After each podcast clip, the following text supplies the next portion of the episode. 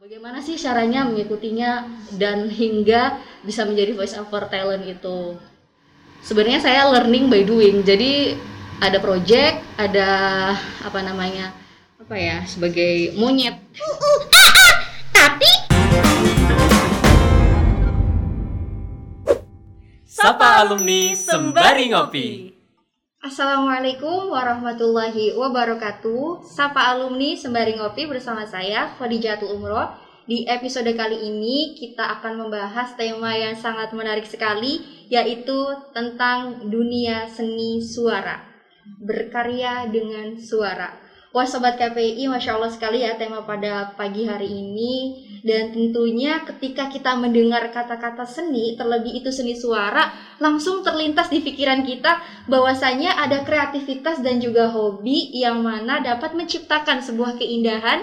Dan keindahannya itu bisa dinikmati oleh setiap usia Baik itu anak-anak, remaja, bahkan yang sampai lanjut usia. Dan tentunya ini juga dapat dimanfaatkan dalam dunia karir dan juga dunia pendidikan Baik Sobat KPI, kali ini kita sudah kedatangan tamu yang sangat luar biasa sekali Yang mana beliau ini ahli dalam dunia seni suara dan juga tentunya merupakan salah satu uh, alumni dari program studi KPI Yang mana beliau ini bisa meniru berbagai macam karakter suara ya Entah itu animasi ataupun karakter uh, anak-anak dan lain sebagainya ya. Ini langsung saja di samping saya sudah ada Kak Gustin Juna.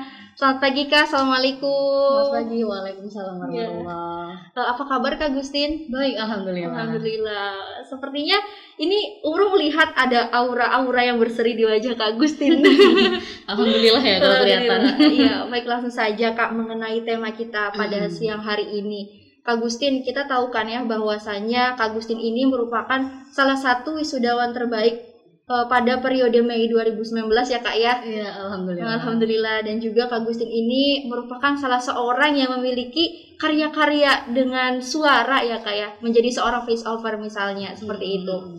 Nah Kak Gustin uh, pada awalnya itu seperti sebelum kakak menjadi seperti ini itu dulunya kakak sebelum bisa menjadi orang yang meniru berbagai macam karakter suara apakah kakak itu dari dulu itu memang suka kemudian menjadi hobi atau bagaimana kak? Oke. Eh, sebenarnya eh, hobi ya dulu. Dari dulu sejak kecil itu emang suka sekali melihat animasi misalnya kayak Shinchan kayak kayak gitu. Kemudian eh, mencoba meniru-niru kayak gitu ya. Nah, kemudian tetapi pada saat masa kecil itu hanya sekedar suka dan sek- sekedar excited aja misalnya tentang hal itu gitu kan. Ketika beranjak dewasa, kemudian saya eh, pro- eh, magang di Pro 2 pada saat Hmm. itu PPL. Nah, di sana baru saya mengetahui ternyata ada loh eh, profesi sebagai voice over talent kayak gitu. Jadi dia itu eh, menirukan suara, mungkin salah satunya dub- dubber ya kalau misalnya teman-teman tahu kayak gitu. Kemudian juga eh, membaca naskah iklan di TV ataupun di radio, kemudian di games kayak gitu. Nah, eh, itu pada saat saya magang di Pro 2 pada saat itu. Jadi kita eh, sharing-sharing nih sama penyiarnya kayak gitu, salah satu penyiarnya kemudian di sanalah diberitahu tentang eh, profesi tersebut. Nah, pada saat itu saya sekedar excited saja tetapi belum action untuk mencari tahu apa sih kayak gitu ya.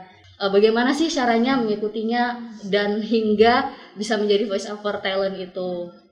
Kemudian setelah saya eh, tamat ya, setelah saya eh, wisuda, kemudian baru nih eh, saya pengen bekerja sebagai apa gitu kan. Salah satunya eh, saya coba menerjunkan diri di voice over itu tadi gitu ceritanya. Hmm, berarti dari awalnya dari hobi Iya, kemudian dari hobi. menjadi ada beberapa jalan yang bisa membantu dari hobi tersebut ya Iya, Kak, sehingga betul. ya sampai saat ini bisa terjadi ya Iya, iya, menjadi iya. seorang voice over.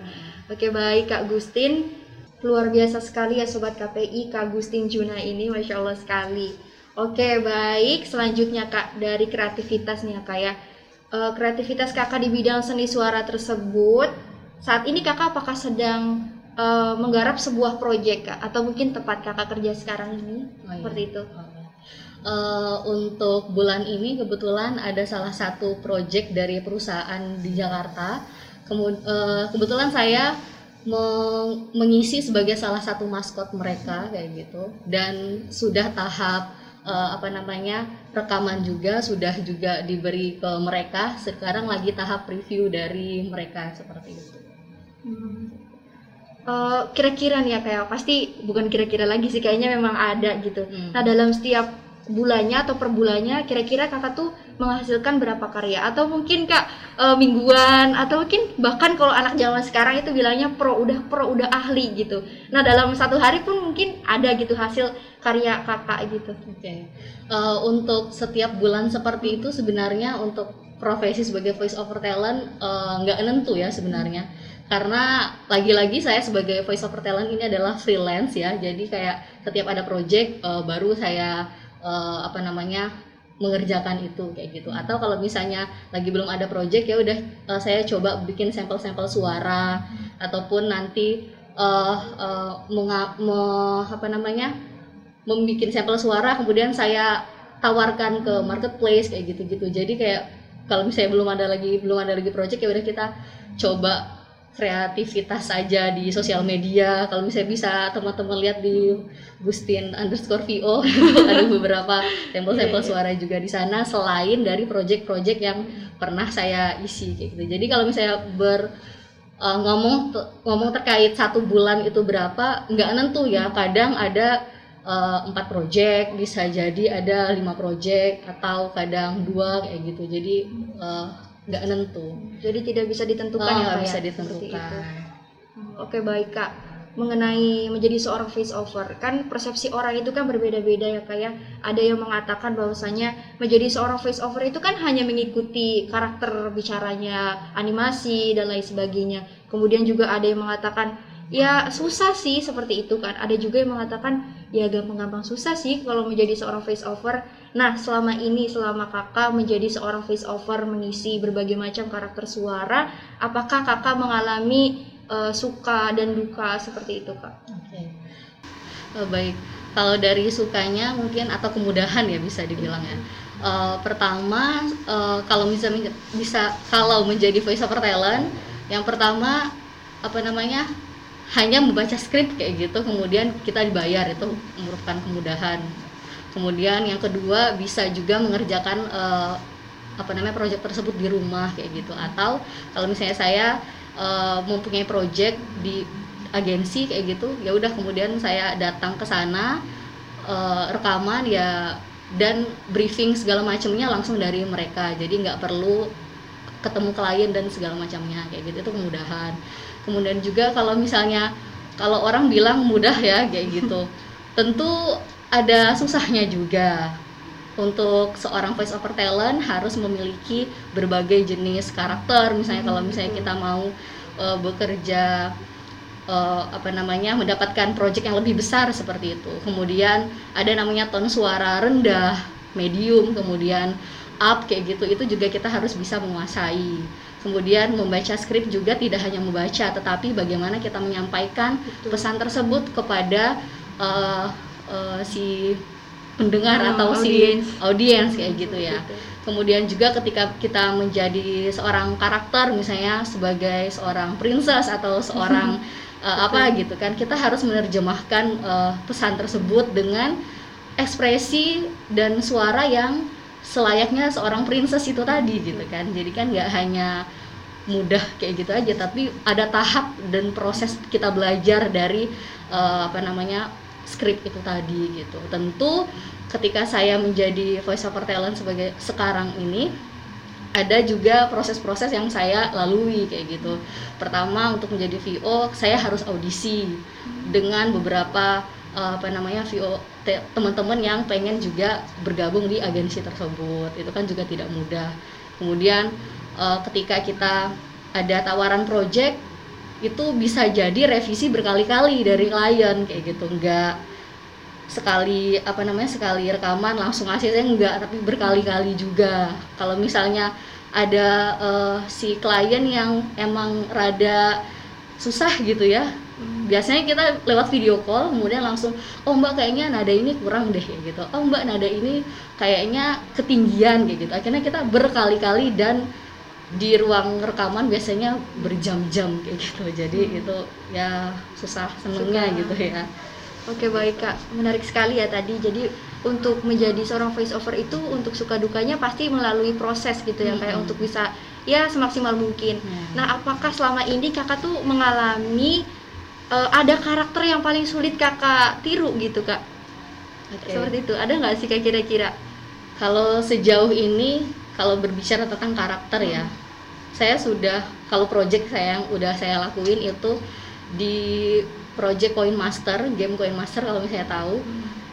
Eh, kemudian itu ada lagi eh, Afterlife apa Dead Life aku lupa tentang zombie-zombie kayak gitu. Saya mengisi di situ juga karakter Rahel kalau nggak salah. Nah itu jadi kalau di Coin Master itu kalau nggak salah dia eh, terjemahan dari Spanyol atau bahasa apa gitu. Jadi ton suara dan detiknya itu harus mengikuti persis yang aslinya kayak gitu. Nah kadang eh, klien memilih saya padahal kalau misalnya mau melihat dari diri saya ton suara saya ini nggak yang rendah-rendah banget kayak gitu nggak yang kayak apa ya perempuan dewasa kayak gitu menurut saya ya. Tapi karena si klien memilih saya ya mau nggak mau akhirnya itu merupakan tantangan bagi saya. Ya bagaimana eh, si klien tersebut kan udah memilih saya ya udah bagaimana saya eh, mau menjadi karakter tersebut kayak gitu. Akhirnya ya ya udah itu challenge dan juga pembelajaran baru bagi saya untuk seorang voice over talent kayak gitu. Akhirnya ya udah dapat oke bisa nih karakter kayak gini kayak gitu. Tapi kakak selama mendapatkan tantangan itu kakak juga menikmati ya kayak bahwasanya eh, ini tantangan sebuah tantangan yang seru gitu. iya. Pastinya. Karena lagi-lagi sebenarnya saya bisa disebut sebagai masih pemula. Dan lagi-lagi ketika saya turun ke VO talent eh, menjadi VO itu sebenarnya saya learning by doing. Jadi ada project ada apa namanya project agensi ataupun ada yang masuk ke saya secara pribadi itu merupakan suatu tantangan. Oh baru nih menjadi eh, VO iklan eh company profile gitu. Oke aku bakal ngisi gitu. Itu ya udah belajar gimana caranya mengisi sebagai eh, apa namanya seorang na- seorang narator lah mungkin kayak katanya.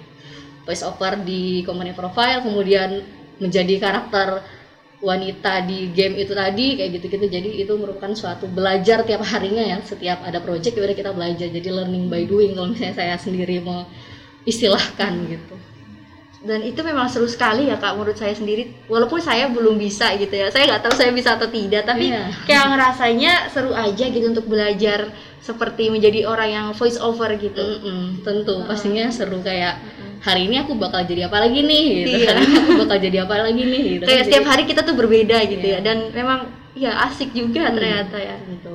Seperti itu. Sapa alumni sembari ngopi. Baik Sobat KPI, rasanya ingin sekali ya terus ngobrol dengan Kak Gusti Juna ini karena memang sangat-sangat seru sekali ya belajar tentang eh, bagaimana sih caranya untuk bisa meniru berbagai macam karakter suara seperti itu dan menjadi seorang voice over.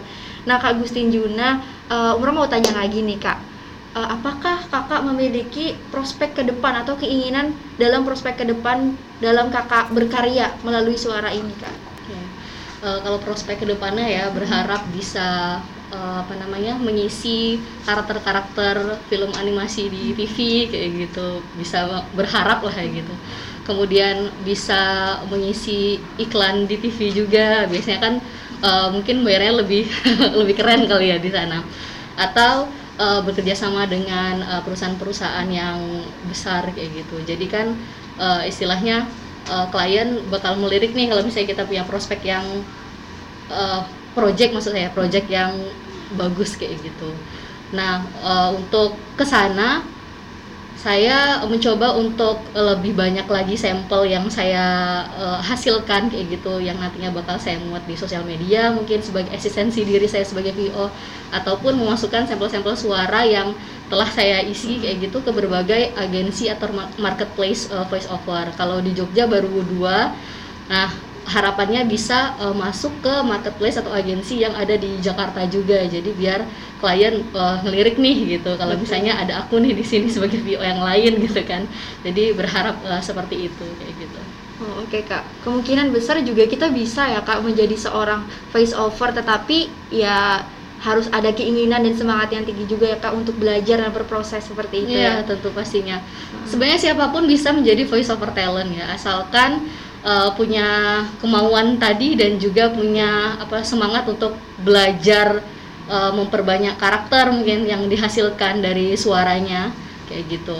Dan juga uh, kalau misalnya orang ya uh, mi- mikir kalau misalnya jadi penyiar radio ya udah suaranya harus yang deep, bass, berkarisma kayak gitu. Kalau misalnya menjadi voice over talent haruskah seperti itu? Kadang kan sebenarnya enggak juga. Kalau misalnya suaranya emang tipikalnya deep atau berkarisma kayak gitu mungkin salah satunya bisa mengisi project yang eh, kayak seperti company profile yang memang eh, sebagai wajah dari perusahaan. Jadi kan harus berwibawa ketika membacakan skrip tersebut.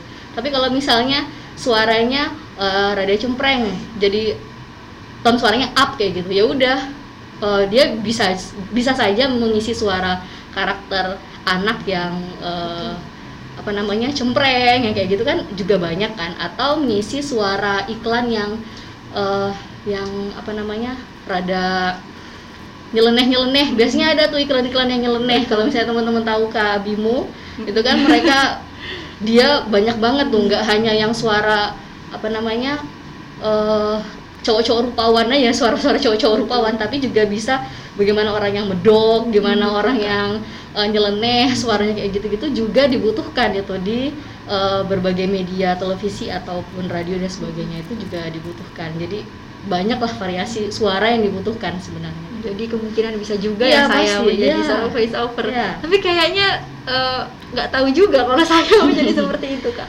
Ya tapi saya nanti lah berharap ya Hmm. belajar dikit-dikit ya walaupun hanya bisa mengikuti suara suara Masya in the Bear atau mungkin gimana gitu kak. Iya.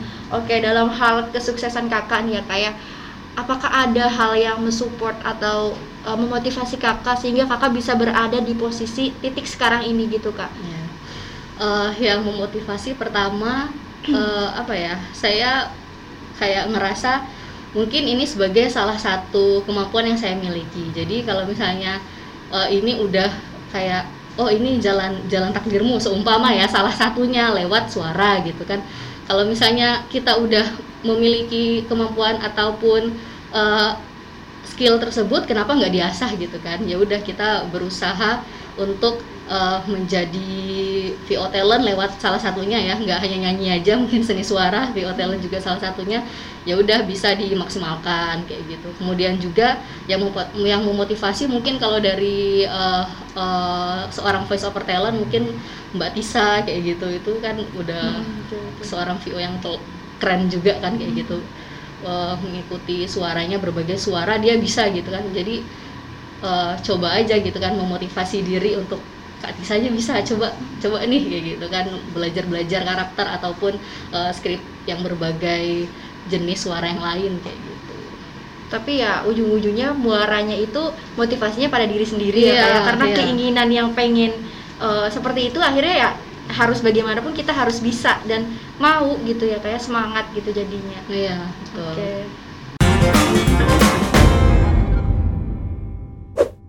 Sapa alumni sembari ngopi. Wah, masya Allah sekali ya teman-teman sobat KPI Kak Agustin Jova ini. Baik sebelumnya Kak, apakah ada pesan dan kesan Kakak untuk sobat KPI di mana pun berada yang memang sekarang ini baru memulai atau sedang menggeluti dunia seni suara seperti itu Kak? Apa yang ingin Kakak sampaikan kepada kita semua? Hmm. Eh, ini seni suara maksudnya terkait VO ya Eh, VO atau apa pun itu. Oke, Eh, yang pertama pasti eh, tetap semangat kalau misalnya kalian mempunyai eh, kemampuan di bidang itu dan juga eh, keinginan untuk berkarya ataupun berprofesi sebagai eh, VO talent atau apa pun itu di seni suara yang pastinya. Dan juga eh, sekarang juga ya kalian sedang apa namanya kuliah di masa pandemi ini juga jangan berkecil hati tentunya teruslah gali eh, apa namanya keinginan kalian apa yang membuat motivasi kalian eh, belajar di KPI ini salah satunya juga gitu. Jangan down dan jangan eh, mudah apa namanya kayak ah sekarang pandemi aku ngapain sih di rumah aja? Kayak sekarang apa namanya offline juga kuliah kuliah online kadang ya beberapa kayak gitu. Jadi kayak ya udah gitu buka laptop eh, kuliah terus selesai kayak gitu. Enggak jangan eh, apa namanya carilah eh, hobi-hobi yang bisa mungkin ke depan bakal membawa kalian ke profesi kalian mungkin salah satunya yang seni suara tadi kayak gitu. Jadi teruslah asah eh, kemampuan kalian itu gitu. Semoga aja nanti kita bertemu di salah satu agensi kayak gitu ya. Eh, dan apa namanya jadi alumni yang eh, berkecimpung di VO Talent juga nanti kayak gitu. Oke, Terima kasih kak. Oh iya nih kak, maaf ya kayak ini paling terakhir ya, paling terakhir. Eh, boleh nggak sih kak kita mendengarkan salah satu contoh kakak ketika menjadi seorang voice over gitu. Salah satu suara karakter apa aja kak yang menurut kakak itu paling paling asik dan membuat kakak paling nyaman ketika membawakannya. apa ya Apa aja kak? salah harus satu atau beberapa Eh, sedikit aja sedikit sih. aja oke Eh, ini ketika project eh, audio komik kalau nggak salah untuk teman-teman yang sedang belajar bahasa Indonesia orang asing yang sedang belajar bahasa Indonesia. Di sini saya mengisi suara sebagai apa ya sebagai monyet jadi ceritanya. Oke mungkin ya agak melengking dikit sorry. Tapi kita harus lebih bersyukur. Kemarin, Oa dan Gorila mengungsi kemari karena hutan mereka dibakar dan dijadikan hutan kelapa sawit. Mm, mengerikan. kayak gitu Masya Allah, Salah keren sekali ya sobat KPI ini kakak mempunyai eh, apa ya emang sudah kayaknya udah apa ya udah melekat sekali ya dunia ini buat kakak gitu ya. Ya mungkin dulunya anak teater ya jadi kayak menguasai akhirnya jadi monyet. Masya Allah Kayak sekali. gitu. ya terima kasih kak untuk pemaparan materinya yang sangat luar biasa sekali tentunya. Dan memang ya sobat KPI eh, prodi kita program studi KPI ini tidak diragukan lagi bahwasanya eh, beneran gitu loh menciptakan generasi-generasi wisudawan wisudawati yang memang unggul gitu dan memang secara real dan di samping saya juga ini merupakan salah satu alumni dari program studi KPI oke teman-teman sekalian eh, sebenarnya saya pengen eh, terus-terusan ya ngobrol dengan Kak Gustin Yuna ini karena memang eh, saya juga pengen dipraktekin secara langsung gitu teman-teman sekalian. Eh, tapi karena memang udah ngobrol terlalu lama, jadi semoga saja kita masih diberikan kesempatan untuk bertemu di lain waktu ya kak ya seperti itu. Oke teman-teman, kita akan berjumpa lagi ya di lain waktu dengan Kak Gustin. Oke, terima kasih banyak Kak Gustin atas kesempatan waktunya pada Sapa Alumni episode kali ini dan semoga Kak Gustin sukses untuk ke depannya karya-karyanya dan lain sebagainya seperti itu. Oke, sebelumnya Kak Gustin ini boleh dicicipi dulu kopinya, Oke. kopi dari program studi kami. boleh Kak Gustin.